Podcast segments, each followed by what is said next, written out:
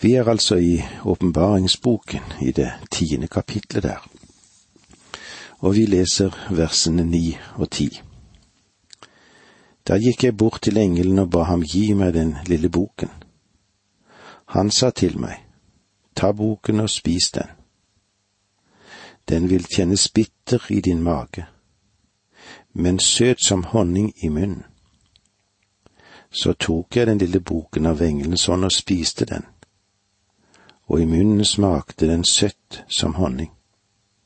Men da jeg hadde svelget den, kjente jeg at den sved i min mage. Det er noen underlige begreper vi kommer borti her, men Gud har vist dette opp gjennom i tiden at det er slik. Og i Salme 119, som herliggjør Guds ord, så leser vi dette i det 103. verset. Å, dine ord er søte for ganen, bedre enn honning for min munn. Den delen av Guds ord som Johannes fordøyde, var dom. Den var søt fordi fremtiden er søt. Og i Første Mosebok 1817 leser vi slik. Da tenkte Herren, skulle jeg skjule for Abraham det jeg vil gjøre? Det var som om han sa til Abraham, Vi er venner og jeg vil gjerne fortelle deg hva jeg akter å gjøre.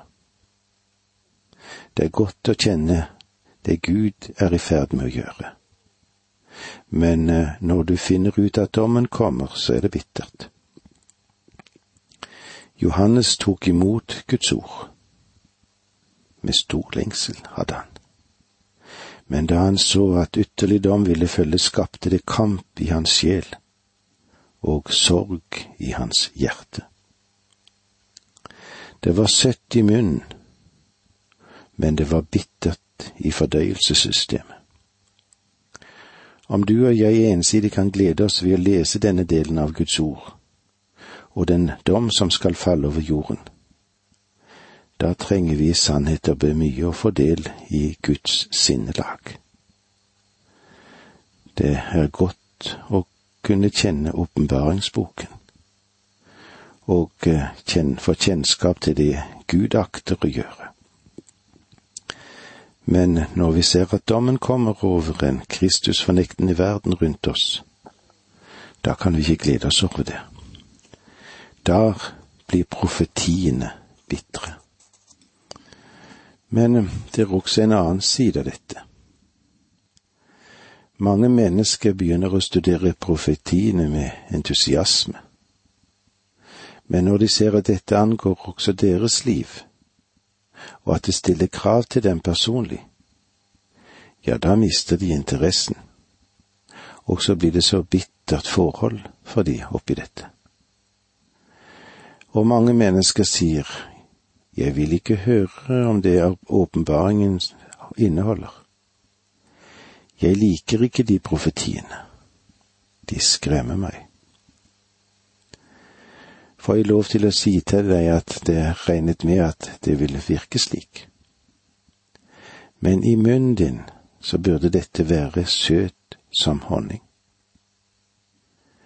Uheldigvis er det mange som liker å studere profetiene på grunn av en naturlig nysgjerrighet. De ønsker å få vite mer om fremtiden. Men snart så vil de oppdage at det er noe i Guds ord som er dom. Noe som òg fremmer hellighet, et hellig liv. Det er noe mer enn en tankefull studium av profetiene, dette. Og i første Johannes 3.3 leser vi, og enhver som har dette håp til han renser seg selv. Å være gransker av profetiene å leve et uryddig liv vil bare føre til en abnorm situasjon. Det er uheldig at mennesker blir interessert i profetiene, men ikke i en kristen livsførsel. Det er underlig, for ikke å si forunderlig, å merke at selv en del av troens folk synes å være mer interessert i antikrist enn at de er interessert i Kristus. I vers elleve leser vi slik. Da ble det sagt til meg. Igjen skal du tale profetisk mot folk og nasjoner og tungemål og mot mange konger. Du kan være helt sikker på én ting.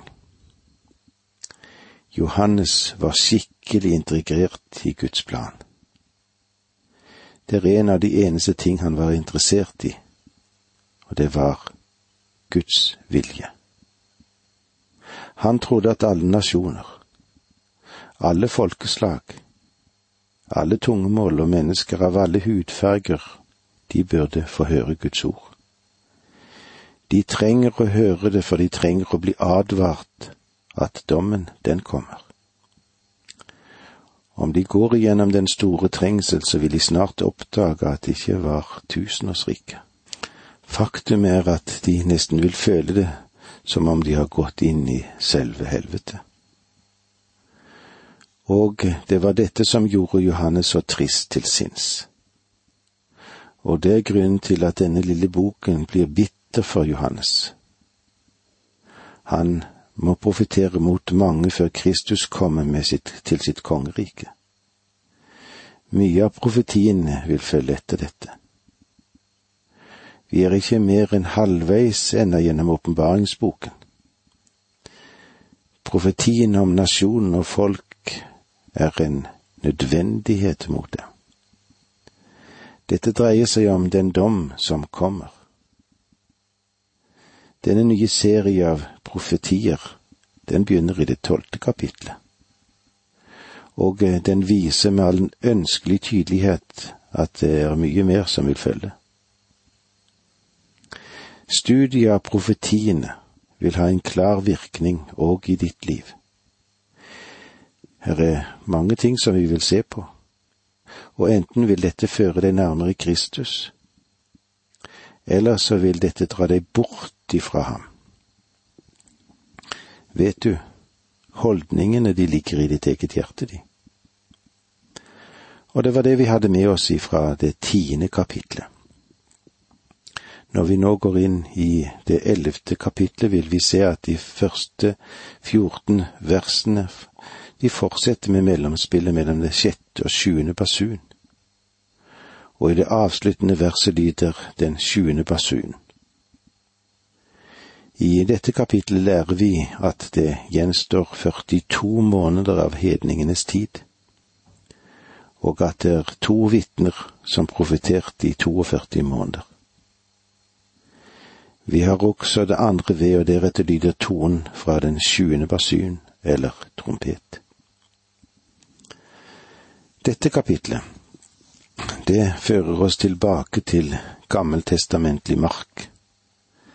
Tempelet, tidsperioder og skillet mellom jøde og hedning forteller alt at vi er tilbake under den gamle testamentlige tid eller forhold.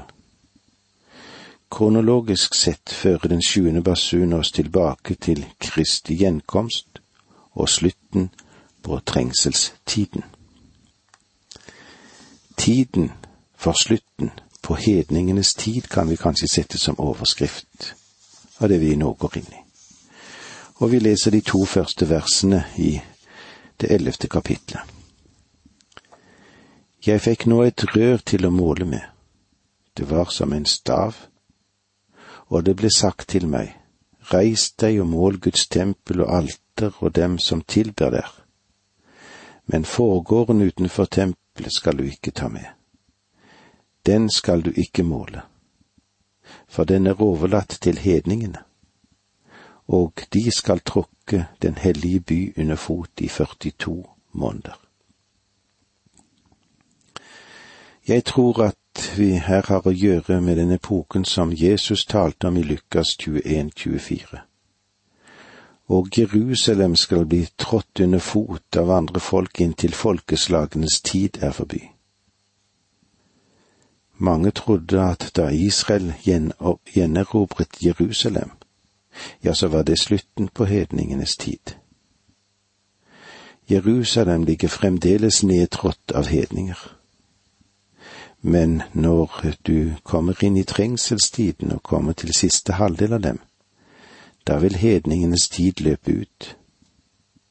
42 måneder er halvdelen av den store trengsel. Og eh, med disse ordene må vi si takk for nå. Må Gud være med deg. Dette undervisningsprogrammet består av to deler. Åge Nevland fortsetter nå med andre del av dagens undervisning. Vi er i Johannes' åpenbaring, og vi er i det ellevte kapitlet. Og vi ser hvordan det er med slutten på tiden for hedningenes tid. Eller slik som vi kan lese om dette i de, de to første versene her i det ellevte kapitlet. Jeg fikk nå et rør til å måle med. Det var som en stav, og det ble sagt til meg, Reis deg og mål Guds tempel og alter og dem som tilber der. Men forgården utenfor tempelet skal du ikke ta med. Den skal du ikke måle, for den er overlatt til hedningene, og de skal tråkke den hellige by under fot i 42 måneder. Jeg fikk et rør til å måle med. Hver gang du kommer til en målesituasjon som dette, enten det nå er i Det gamle eller i Det nye testamentet, ja, så antyder Gud at det begynner å skje noe i Israel. Her begynner å arbeide noe med Israel. Det kan du se i Zakaria 2 og Jeremia 31. Dette røret er som en stav, og en stav den ble brukt av hyrdene. Og i Salme 2,9 ser vi at denne stav blir brukt for tukt og for dom. Du skal knuse dem med jernstav og slå dem i stykker som leirkar. Det vi har å gjøre med her, er et tidsmål gitt for hedningenes tid og etter dette mål vil dommen komme over dem. Men denne staven skal også være en trøst, en trøster. Og du husker sikkert det som står i Salme 23, 23,4. Selv om jeg går i dødsskyggens dal, frykter jeg ikke for noe vondt, for du er med meg. Din kjepp og din stav, de trøster meg. Derfor har vi både dom og trøst i dette kapitlet.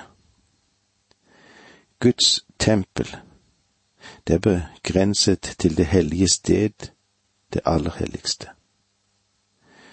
Guds tempel fører oss tilbake til Det gamle testamentet. For menigheten er ikke gitt noe tempel. Menigheten er tempelet ved Den hellige ånd i dag.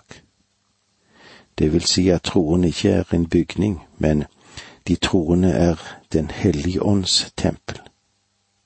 Og i Efeserbrevet 2, 21 og 22 så står det jo slik, Han holder hele bygningen sammen, så den i Herren vokser til et hellig tempel, og gjennom ham blir også dere bygd opp til en bolig for Gud i ånden.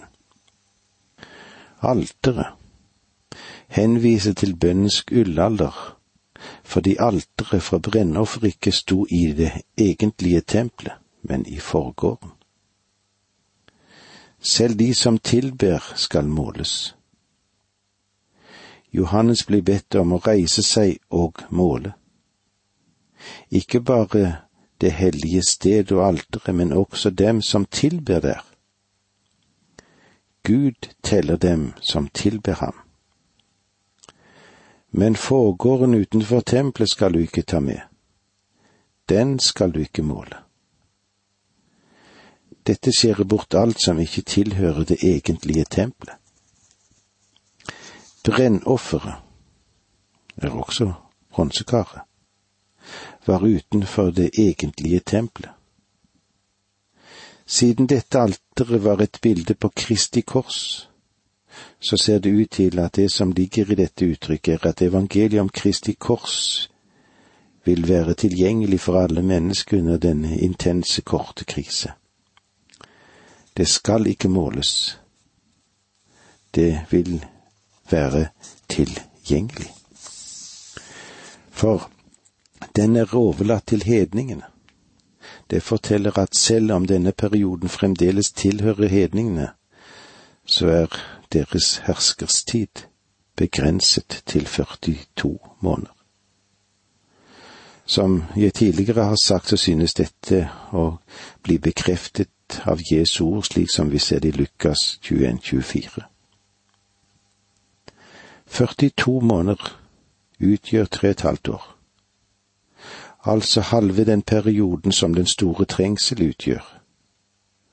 Og dette gjentas i det trettende kapitlet her i åpenbaringsboken i det femte verset.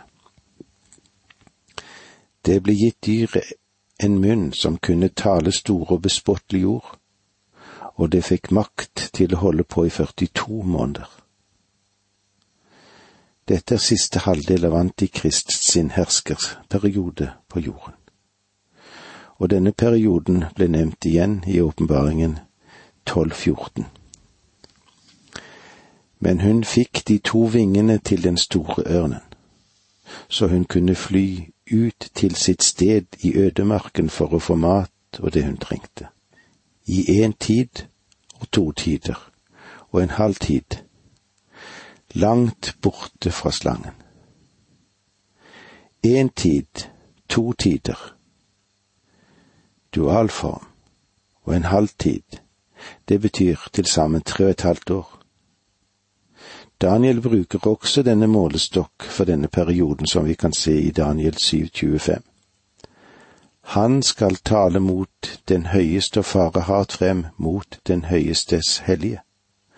Han skal sette seg for å forandre tider og lover, og de hellige skal overgis i hans makt en tid, og tider og halvtid. Igjen møter vi altså det samme tre og et halvt år. Fra den tid da det daglige offer blir avskaffet og den ødeleggende styggedom stilles opp, skal det gå 1290 dager, står det i Daniel 12,11. 1290 dager er tre og et halvt år, det. Og så har vi enda en henvisning som vi òg finner igjen i Danielsboken i det niende kapittel, vers 27. En uke gjør han pakten tung for mange. Midt i uken gjør han ende på slakteoffer og grødoffer. På styggedommens vinge kommer det en som herjer, helt til ødeleggelsen som er fastsatt, strømmer ned over ødeleggeren selv.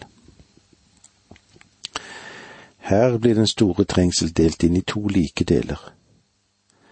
Denne uken i Danielsboken er sju år, og denne sjuårsperioden er den syttiende uke hos Daniel, eller den store trengselsperiode. Når vi nå går videre, så vil vi se tidsintervaller for de to vitners profeter. Vi leser i det tredje verset. Men jeg vil sette mine to vitner kledd i sørgetøy og sekk til å profetere i 1260 dager. Det er mange meninger om å kunne bestemme hvem disse to vitnene er. De blir introdusert for oss uten noe forslag om hvem de er. Jeg mener at hvis kjennskapet til disse to skikkelser var vesentlig å forstå, slik at boken kan fortelles, hvem de er, så hadde vi fått en antydning av hvem disse to vitnene var. Forslagene har vært mange opp igjennom kirkens historie.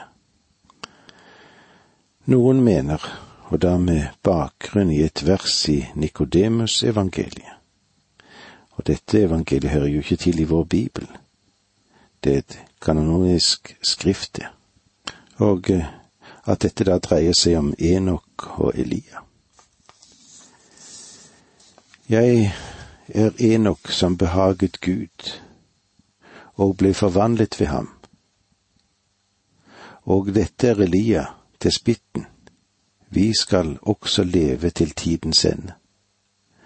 Men eh, da vil vi bli sendt av Gud for å stå imot Antikrist og bli drept av ham. og så stå opp etter tre dager og løftes opp i skyene for å møte Herren. Noen åpner også for denne mulighet at dette er to ukjente vitner. Det vil si, de har tidligere ikke eksistert, og har ennå ikke trådt frem på den historiske eller himmelske arena. At de er menneskelige vesen synes å være klart ved beskrivelsen av dem. To er det antall vitner som loven krever, og du husker hva det står i femte Mosebok 1716. Etter to eller tre vitners utsagn skal dødsdommen fullbyrdes. Etter én manns vitneutsagn skal ingen dø. Den Herre Jesus sa det på samme måte i forhold til menigheten. Matteus 18, 16. Men hører han ikke, så ta med deg én eller to andre, for etter to eller tre vitners utsagn skal enhver sak stå fast. Skriften, den har alltid krevd to vitner som vitnebærere før noe skulle holdes for sant. Derfor tror jeg vi klart kan si at disse vitnene er mennesker, og at det er to av dem. Det skal vi ha ganske klart for oss, og det kan vi være sikre på. For meg virker det slik, eller ganske sannsynlig, at Elia var den ene, siden det var forutsatt at han ville vende tilbake. Malakias 4.5 står det slik, Se, jeg sender profeten Elia til dere før Herrens dag kommer, den store og skremmende. Også står det slik i Matteus. Han svarte, Elia skal nå komme og sette alt i rette stand.